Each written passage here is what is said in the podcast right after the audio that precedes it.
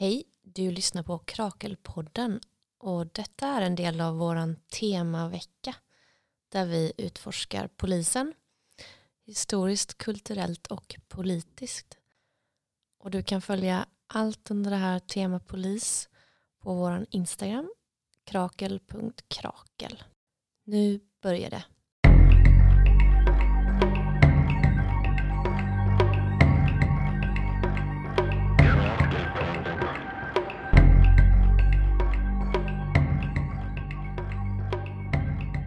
Hej och välkomna till Krakels mini-intervjuserie om olika förståelser av polisen.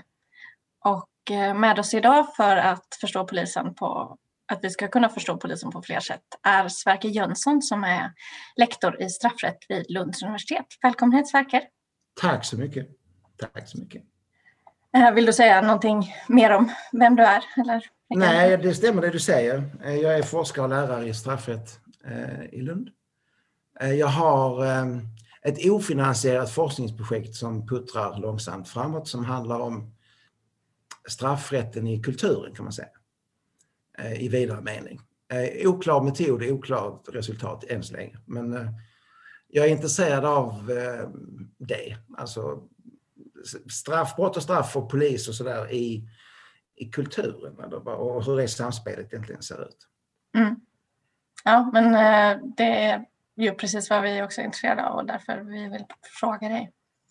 Eh, för att vi undersöker den här veckan olika förståelser av polisen. Och hur förstår du som straffrättare polisen? Mm.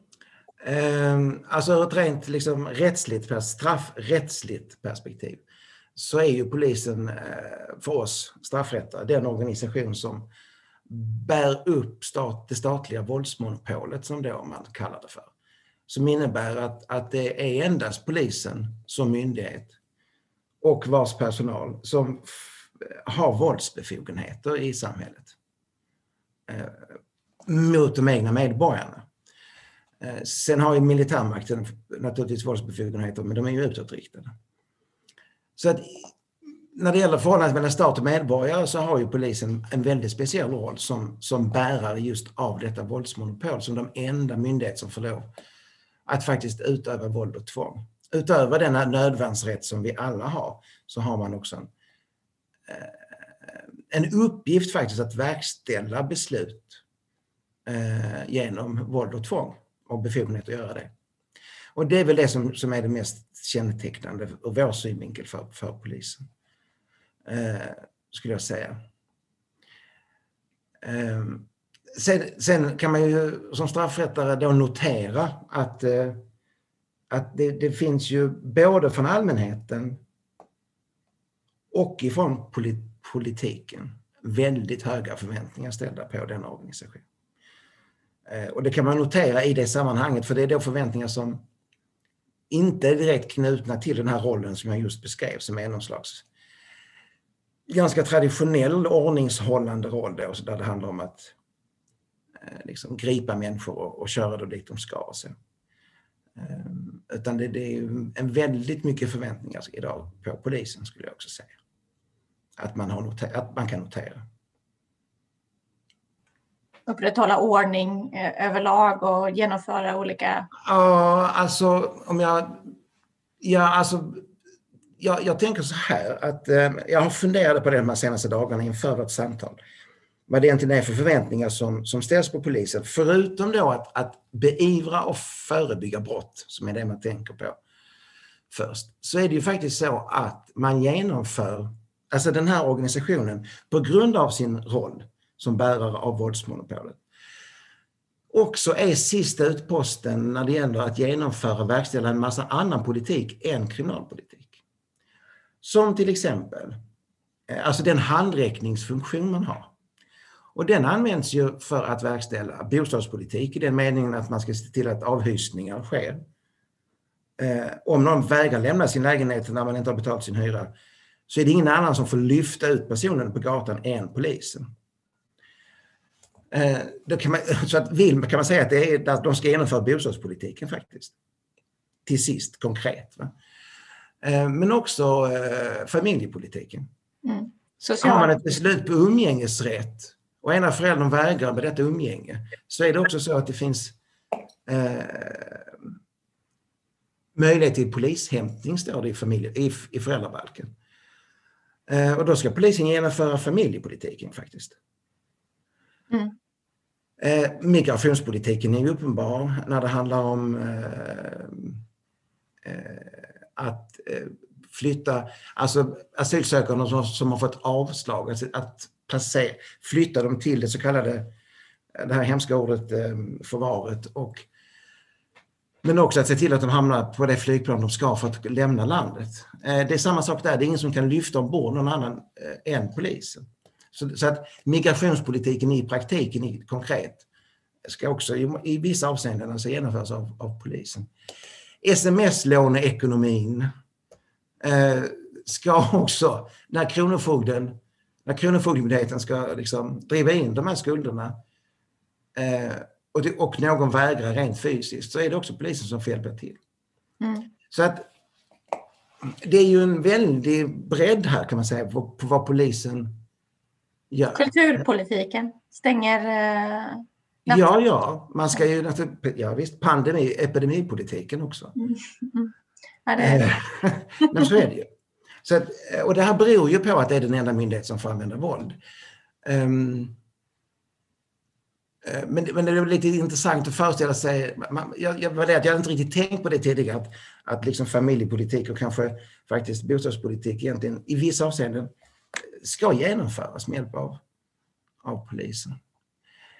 Sen kan man ju säga en, den här svarta sidan av svensk kultur som handlar om självmordsstatistiken. Det är också polisen som ska kroka ner människor från, från, eh, från eh, in i, sina bostäder. Och, och för att inte tala om eh, psykiatripolitiken. Eller, där, man är de som, där även handräckningen ska ske om det är någon som ska tvångsvårdas. Eller inte är tvångsvårdad och inte har någon plats i, i, inom psykiatrin utan driver runt. Det är också polisen som ska ta hand om. Så det är, det är väldigt mycket politik som, som jag ser, alltså polisen, jag skulle nog säga tvingas till att bedriva mm. som organisation. Man skulle kunna tänka sig att det behövs en enorm kompetens och kunskap på väldigt många områden för att klara av allt detta. Eh, men föreställningen är istället på något sätt att det är någon slags eh, ja, men statens eh, fingrar som inte behöver något annat än själva lagstiftningen att förhålla sig till. Precis. Precis. Eh, ja, men det leder oss kanske in på den första frågan som jag tänkte ställa. Eh, hur skulle du säga att polisen förstås i samtiden? Alltså vad är det för bilder och skenbilder kanske av polisen som produceras och reproduceras? Ja, alltså det är en, en, det är en jättebra fråga eh, och den, det är ju en väldigt Alltså det är en väldigt splittrad bild skulle jag vilja säga. Det är en väldigt splittrad bild. Um, och det kan man ju se eh, Alltså för det första kanske man ska... Alltså jag tror inte man ska vara så noga med om det är fiktiv media eller det är eh, så kallad reportagemedia eller, eller, eller nyhetsmedia. För att man kan ändå liksom på något vis jämföra de här bilderna med, med varandra. Alltså de, de uttrycker nog ändå på något vis de här bilderna som cirkulerar på vars... Eh, och jag, då tänker jag så här att det finns ju den här bilden av polisen som eh, Nej, men som man lastar över till exempel migrationspolitiken på eller eh, bostadspolitiken på eller integrationspolitiken på. Eh, och så kallar man det kriminalpolitik då. Eh, men alltså en bild av en, en, en slags eh, alltså en, en övermänsklig organisation som kan lösa samhällsproblemen på plats. Alltså om vi, om vi, vi har brottslighet och vi har liksom segregation och vi har, vi har eh, konflikter mellan grupper eller sådär. Men, eh, men, nej, men vi, vi ger det här i uppdrag åt polisen. Så det är en uppdragstagande organisation för att lösa samhällsproblem. Det är en, det är en bild. Och den kommer väldigt, och den kan man ju höra väldigt ofta från politiskt håll skulle jag säga. Alltså den här. Um, och, och, och man funderar på vad är det för en organisation man tänker sig. Ja, det är allt, allt oftare får vi konstatera. Det är ja. liksom hårda tags?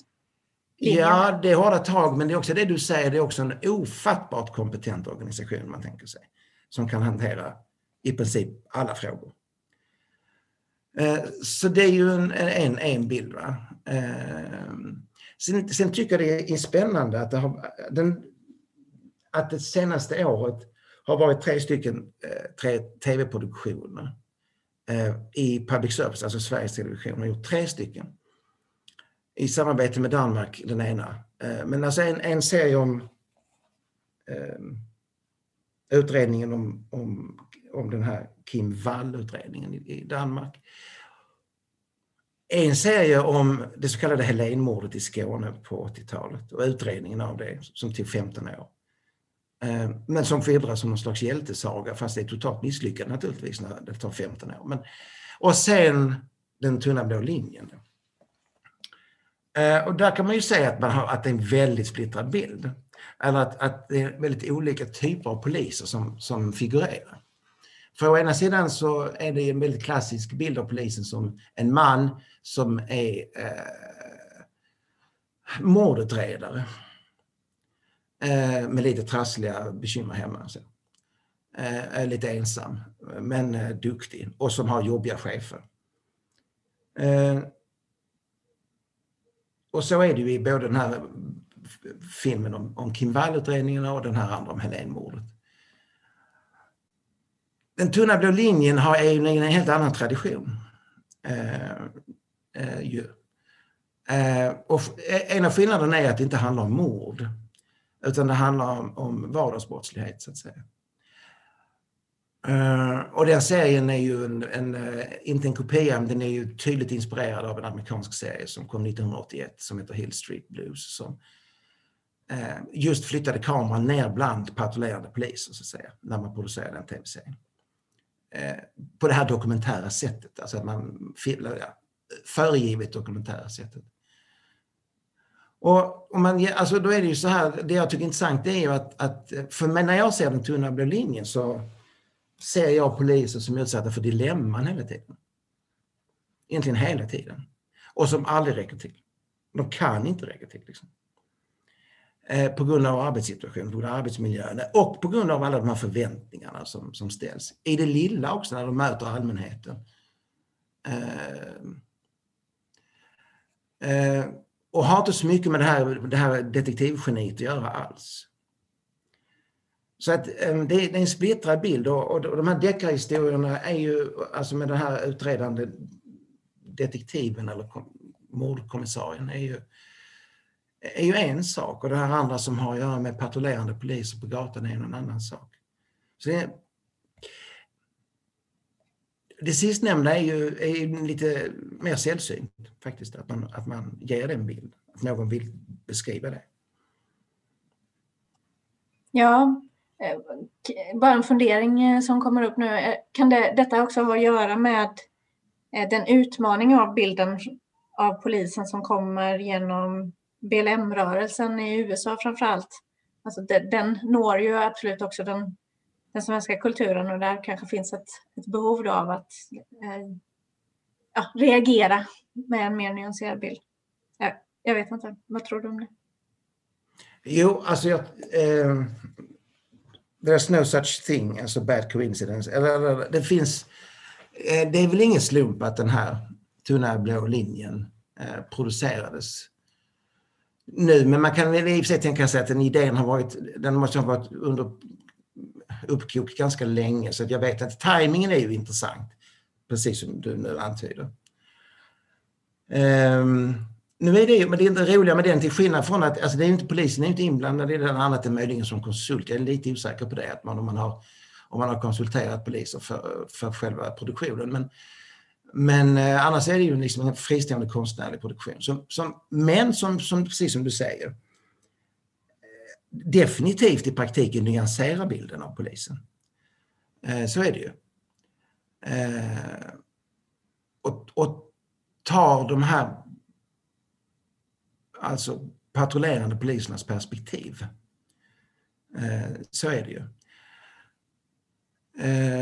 På gott och ont ju det här med BLM-rörelsen, alltså, ja, nu är det ju otrolig timing då, för igår, eller, igår fick vi reda på att den här polisen i Amerika är dömd för mordet på den kvävningen av den här eh, svarta mannen.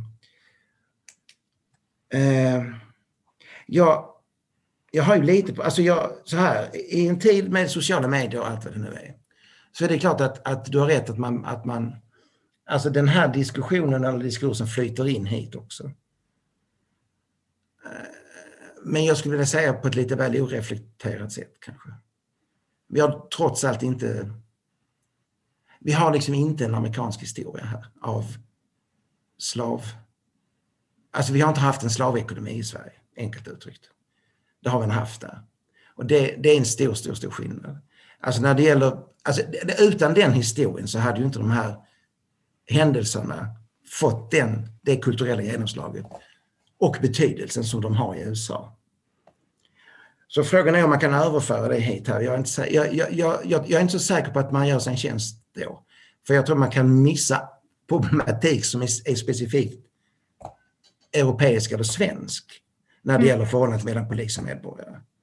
Ja, så, men du menar att liksom de, alla de problem som eh, har uppmärksammats i Skåne, polisen till exempel med rasism, eh, rasprofilering, register och så vidare, alltså att det förtjänar en berättelse för sig själv. Ja, ja det, det tror jag. Och jag, ja, det tror jag.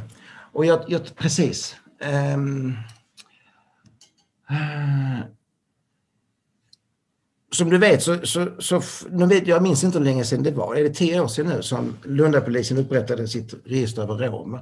Och då blev jag ju skitförbannad. Eh, och skrev en insändare eller en debattartikel om det eller någonting. Men jag kan säga, jag kan avslöja att jag hade inte skrivit på samma sätt idag. Idag hade jag så att säga gett mig på polisorganisationen som sådan. Jag hade gett mig på polischeferna som sådana.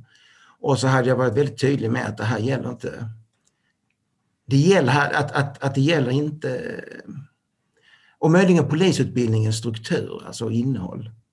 Men jag hade aktat mig för att så svepande som jag då gjorde kritisera alla poliser. Um, jag, jag, jag, jag, tror att man, ja, jag tror att man ska vara lite mer nyanserad. Jag, jag, alltså jag vet inte. Jag, jag har börjat bli lite, lite svag för patrullering, alltså poliserna på gatan, jag tror de har ett helvete alltså. De är dåligt betalda och arbetsmiljön är ju liksom inte någon drömarbetsmiljö på något sätt.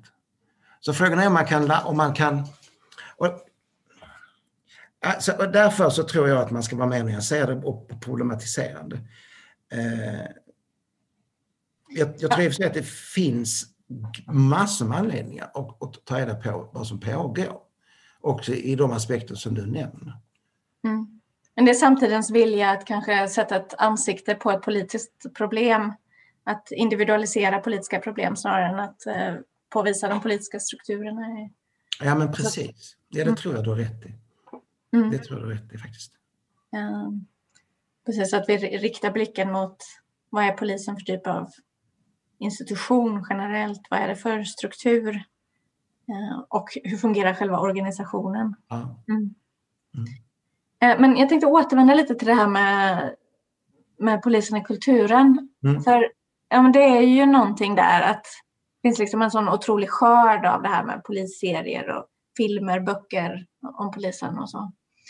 Eh, och det finns ju förstås serier om, om liksom andra grupper i samhället, om vårdpersonal och så, men det är inte lika, inte alls lika stort fenomen och det verkar inte vara lika mm. intressant.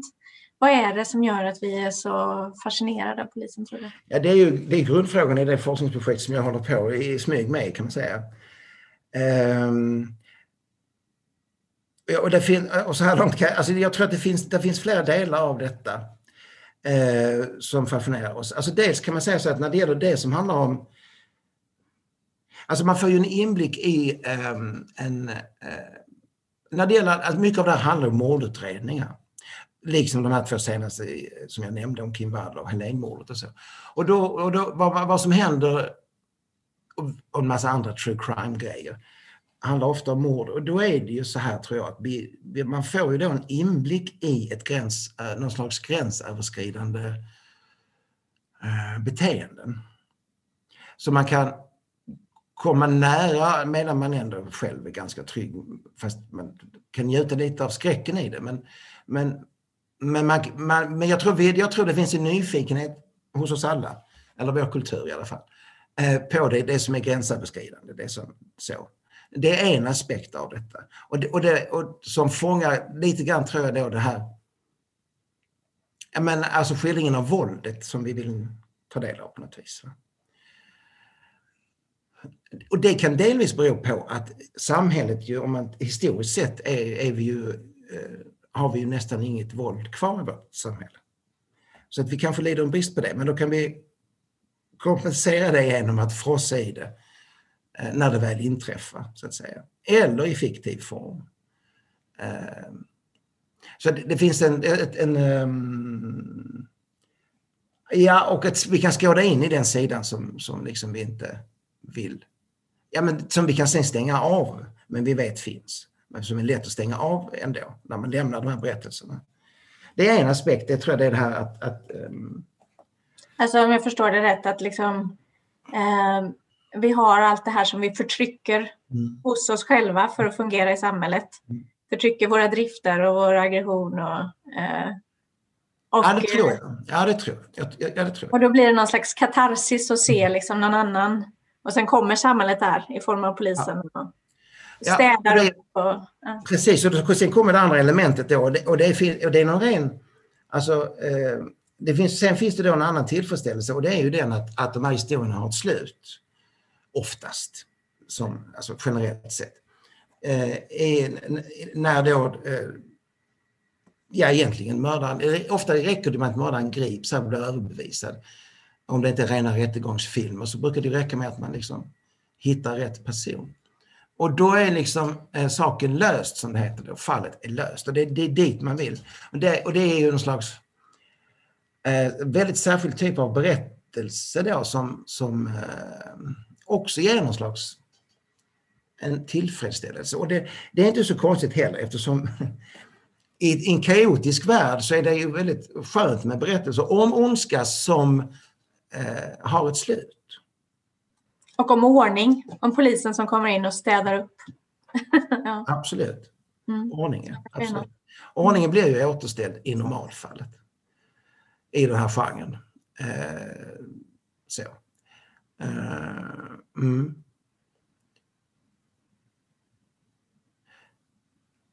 ja, det är väl ungefär, alltså det, ja, men sen finns det andra frågor under detta som, som jag inte riktigt är klar över. Det är ju, alltså det är till exempel varför blev vi inte trötta på det? För det är ju så, det, mängden är ju, eh, alltså mängden av de här berättelserna är, den är ju så stor så att framförallt en fik, av, av fiktiva berättelser. Det, det, det, är hur mycket som helst som produceras och säljs och konsumeras. Ehm, eh, och det det vet jag, det, det, det, kan jag inte riktigt förstå varför inte man tröttnar riktigt. Eller liksom varför vi inte blir mätta på, på det, utan det verkar vara omättligt behov av det här. Det, ja, det är jätteintressant faktiskt. Har du någon idé om varför vi är omättliga på de här berättelserna? Men det är väl kanske en, en bara eh, olöslig inre konflikt. det är väl mitt enda svar. Mellan det vi förtrycker och liksom vårt behov av att vara del i samhället och det vi förtrycker. Mm, just det, det är det ju. Jag vet inte. Det kan det ju vara. Eh, men jag tror absolut att det som jag tror det här behovet av ordning är, är ju säkert viktigt här. Eh, det, alltså när det gäller det, det, ett fenomen som eh, jag har liksom som, som är mm, ny, ganska nytt. Det är ju att det här börjar flyta samman. alltså på sociala medier flyter det här samman i, i den meningen att när det inte, alltså om det inträffat ett mord, ett, ett mord nu som eh, rapporteras i nyhetsmedia så uppstår det ganska snabbt diskussions, diskussioner om detta på sociala medier. Och där snart börjar det agera, dels av ren nyfikenhet då, alltså skvaller på kyrkbacken själv så att säga, vill man få reda på detaljer. Och, och, då, och då hjälps man åt på Flashback och andra forum att skaffa de här detaljerna. Och sen börjar man också utreda brottet där, så att säga. och det är intressant.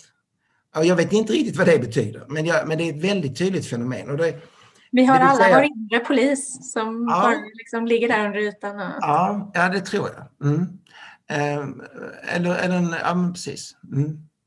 Alltså en polis i den med en, en detektivpolis då, alltså inte en patrullerande polis. Det är att, lägg märke till det. Det är, inte, det är sällan man engagerar sig i eh, att bötfälla nedskräpning eller trafikbrott, utan det är...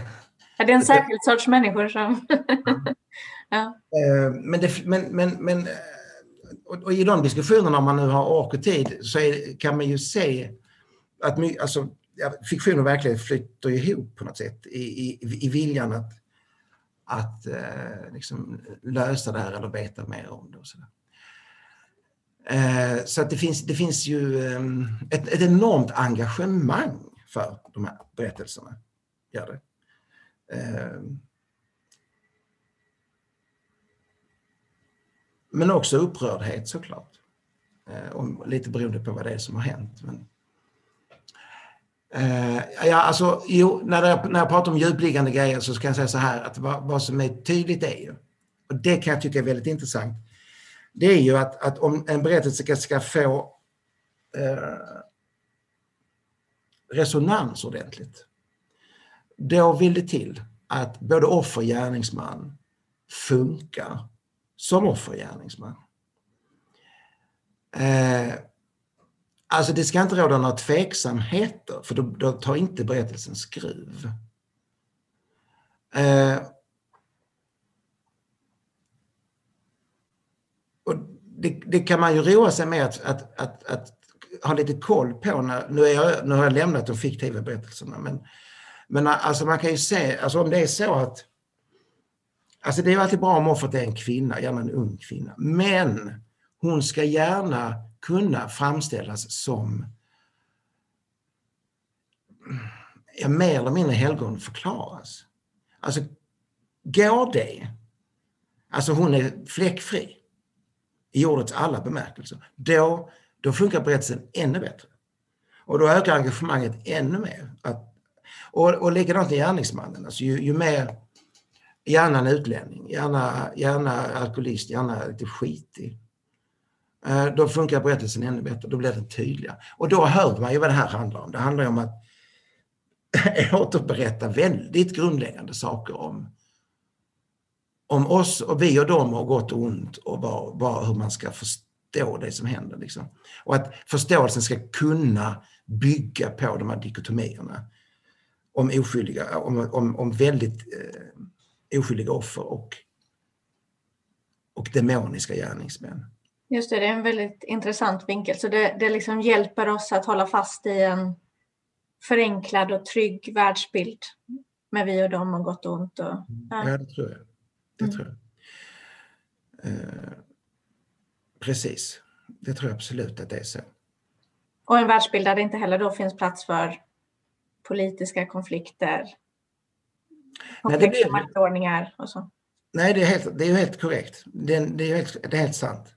Mm. Eh, Livsserier det... är ett opium för folket. eh, ja men alltså, det kan man nog, det skulle jag nog nästan kunna hålla med om. Ja. Det, det, det, för, det, för det är mycket som kanaliseras här och det, det och det, och det spelar ju, de, de, alltså, ja, och, det, och, det, och det suger energi och engagemang. Gör det Och eh, spelar på ja, våra mest grundläggande rädslor och trygghetsbehov och behov av, av eh, ordning, absolut. I, alltså i nästan en metafysisk mening ordning alltså. Att det är mm. ordning i universum här, det är gott och ont blandas liksom inte samman här. Mm. Och jo, vad jag skulle säga var det att man kan hålla ögonen öppna på, om, för ibland är det så att man rapporterar om ett mord eh, och sen så bara försvinner det rapporteringen. det är ingen som pratar med om det. Och då, då, då börjar jag tycka det är intressant. För, för, och, eh, och det kan till exempel vara en, en, en, eh, en ung kvinna som är mördad. Men sen visade det sig då att ja, men hon har ju själv begett sig till gärningsmannen. Alltså det där har varit en destruktiv relation. Och då blir det för komplicerat. Eh, det, så att en, gärna överfall, gärna, hjärnan en överfallsmord. Liksom. För då är det mycket enklare att hålla styr på de här metafysiska storheterna. Eh, och det där är ju intressant med tanke på att, att eh, just nu, igår var det ju eh, jämställdhetsministern ute och diskuterade det här med, med våld i nära relationer och så vidare. Och eh, alltså hela den, hela den att, att det är så svårt i vårt land och i vårt samhälle att ta tag i den problematiken kan ju ha att göra med att den är en komplex. Man, det är komplext. Det är komplext med, vålds, det är komplext med, med, med svåra, dåliga relationer. Och det är ingen jävel som vill ha, alltså vem fan orkar det? Va? Utan så, en, en, en överfallsmord, det är mycket lättare att berätta om. Och de tar också skruv på ett helt annat sätt medialt. Eh, uh, yeah. Och det kan man ju säga även i de fiktiva berättelserna att det, det är ju sällan som, som, som det finns en problematisering kring men alltså liksom, det är otänkbart att offret skulle beskrivas som medvållande. Till exempel till sin egen död. Här. Alltså det är ju otänkbart. Det blir, det, det blir, inte, det blir inte tillfredsställande. Ja. ja, men vad intressant. Vi, jag tänker vi kan väl ta med oss den där frågan. Varför eh, tröttnar vi aldrig på polisserier? Uh, men tack så enormt mycket Sverker, det var uh, superintressant och uh, jag hoppas att det går framåt med det här forskningsprojektet. Så att vi får det gör det. Det går långsamt men det går framåt. läsa om det här också framöver. Tack ska du ha. Tack.